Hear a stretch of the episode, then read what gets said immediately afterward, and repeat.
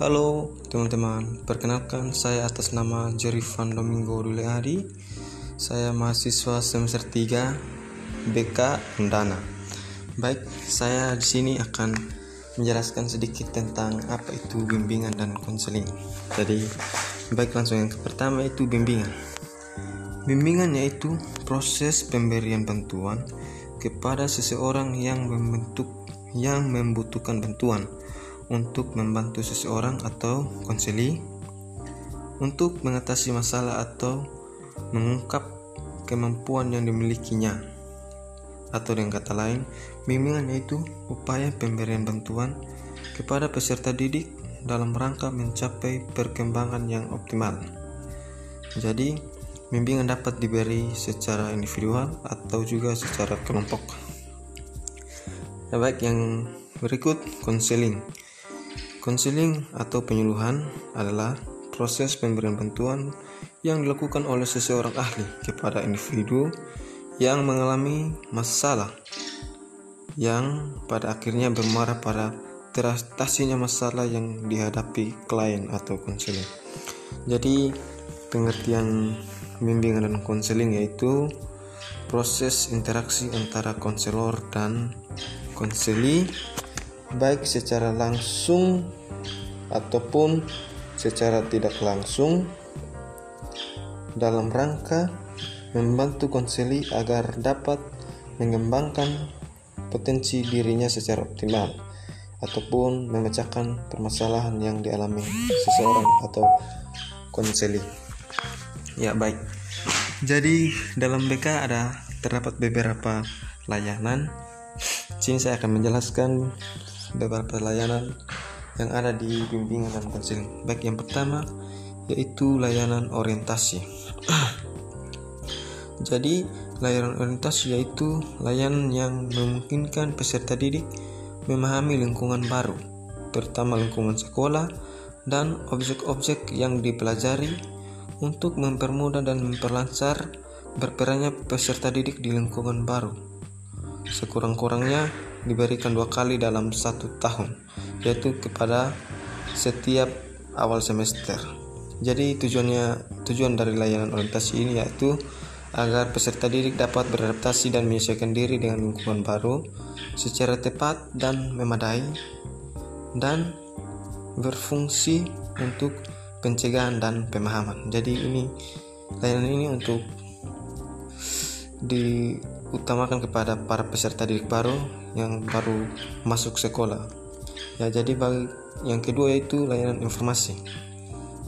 Layanan informasi adalah layanan yang memungkinkan peserta didik menerima dan memahami berbagai informasi. Ya, jadi informasinya itu bisa berupa informasi diri, sosial, belajar, pergaulan, karir, pendidikan lanjut, dan lainnya.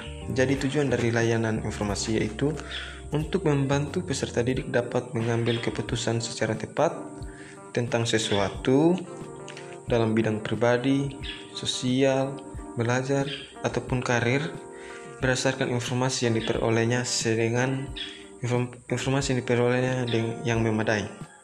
Jadi layanan ini atau layanan informasi pun berfungsi untuk pencegahan dan juga pemahaman. Ya baik yang berikut yang Ketiga, layanan pembelajaran, yaitu layanan yang memungkinkan peserta didik untuk mengembangkan sikap dan kebiasaan belajar yang baik dalam menguasai materi belajar atau penguasaan materi yang cocok dengan kecepatan dan kemampuan dirinya serta berbagai aspek tujuan dan kegiatan belajar lainnya dengan tujuan agar peserta didik dapat mengembangkan sikap dan kebiasaan belajar yang baik. Ya, jadi ini layanan untuk siswa yang memungkinkan untuk mengembangkan sikap dan kebiasaan dalam belajarnya.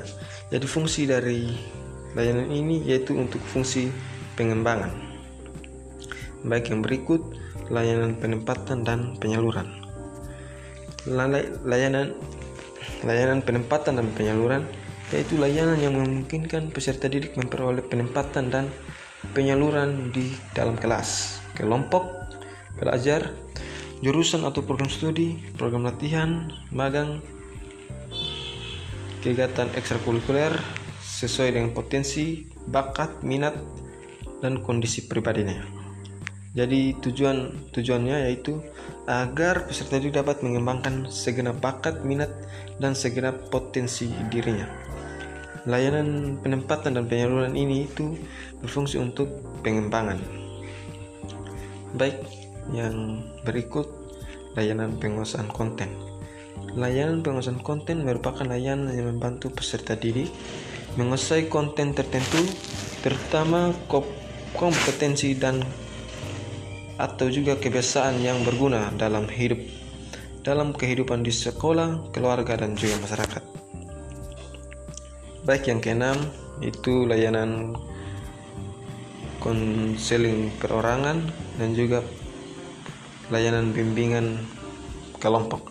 Kalau konseling perorangan yaitu layanan yang memungkinkan peserta didik mendapat, mendapatkan layanan langsung tatap muka yaitu dengan secara perorangan. Jadi kalau yang berikut layanan bimbingan kelompok itu layanan yang memungkinkan sejumlah peserta didik secara bersama-sama melalui dinamika kelompok memperoleh bahan dan membahas pokok-pokok bahasan dari itu secara kelompok.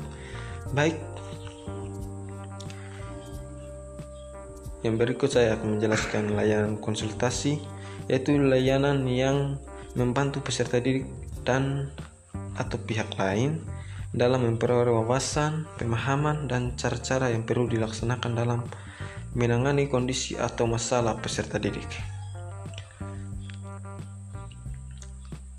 Baik, yang berikut layanan mediasi Layanan mediasi yaitu layanan yang membantu peserta didik menyelesaikan permasalahan atau perselisihan dan memperbaiki hubungan antar peserta didik dengan konselor sebagai mediator. Jadi layanan di mana untuk menyelesaikan atau untuk membantu menyelesaikan permasalahan peserta didik. Baik, sekian layanan yang dapat saya jelaskan.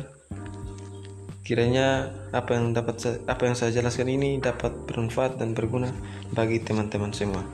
Baik, terima kasih. Salam.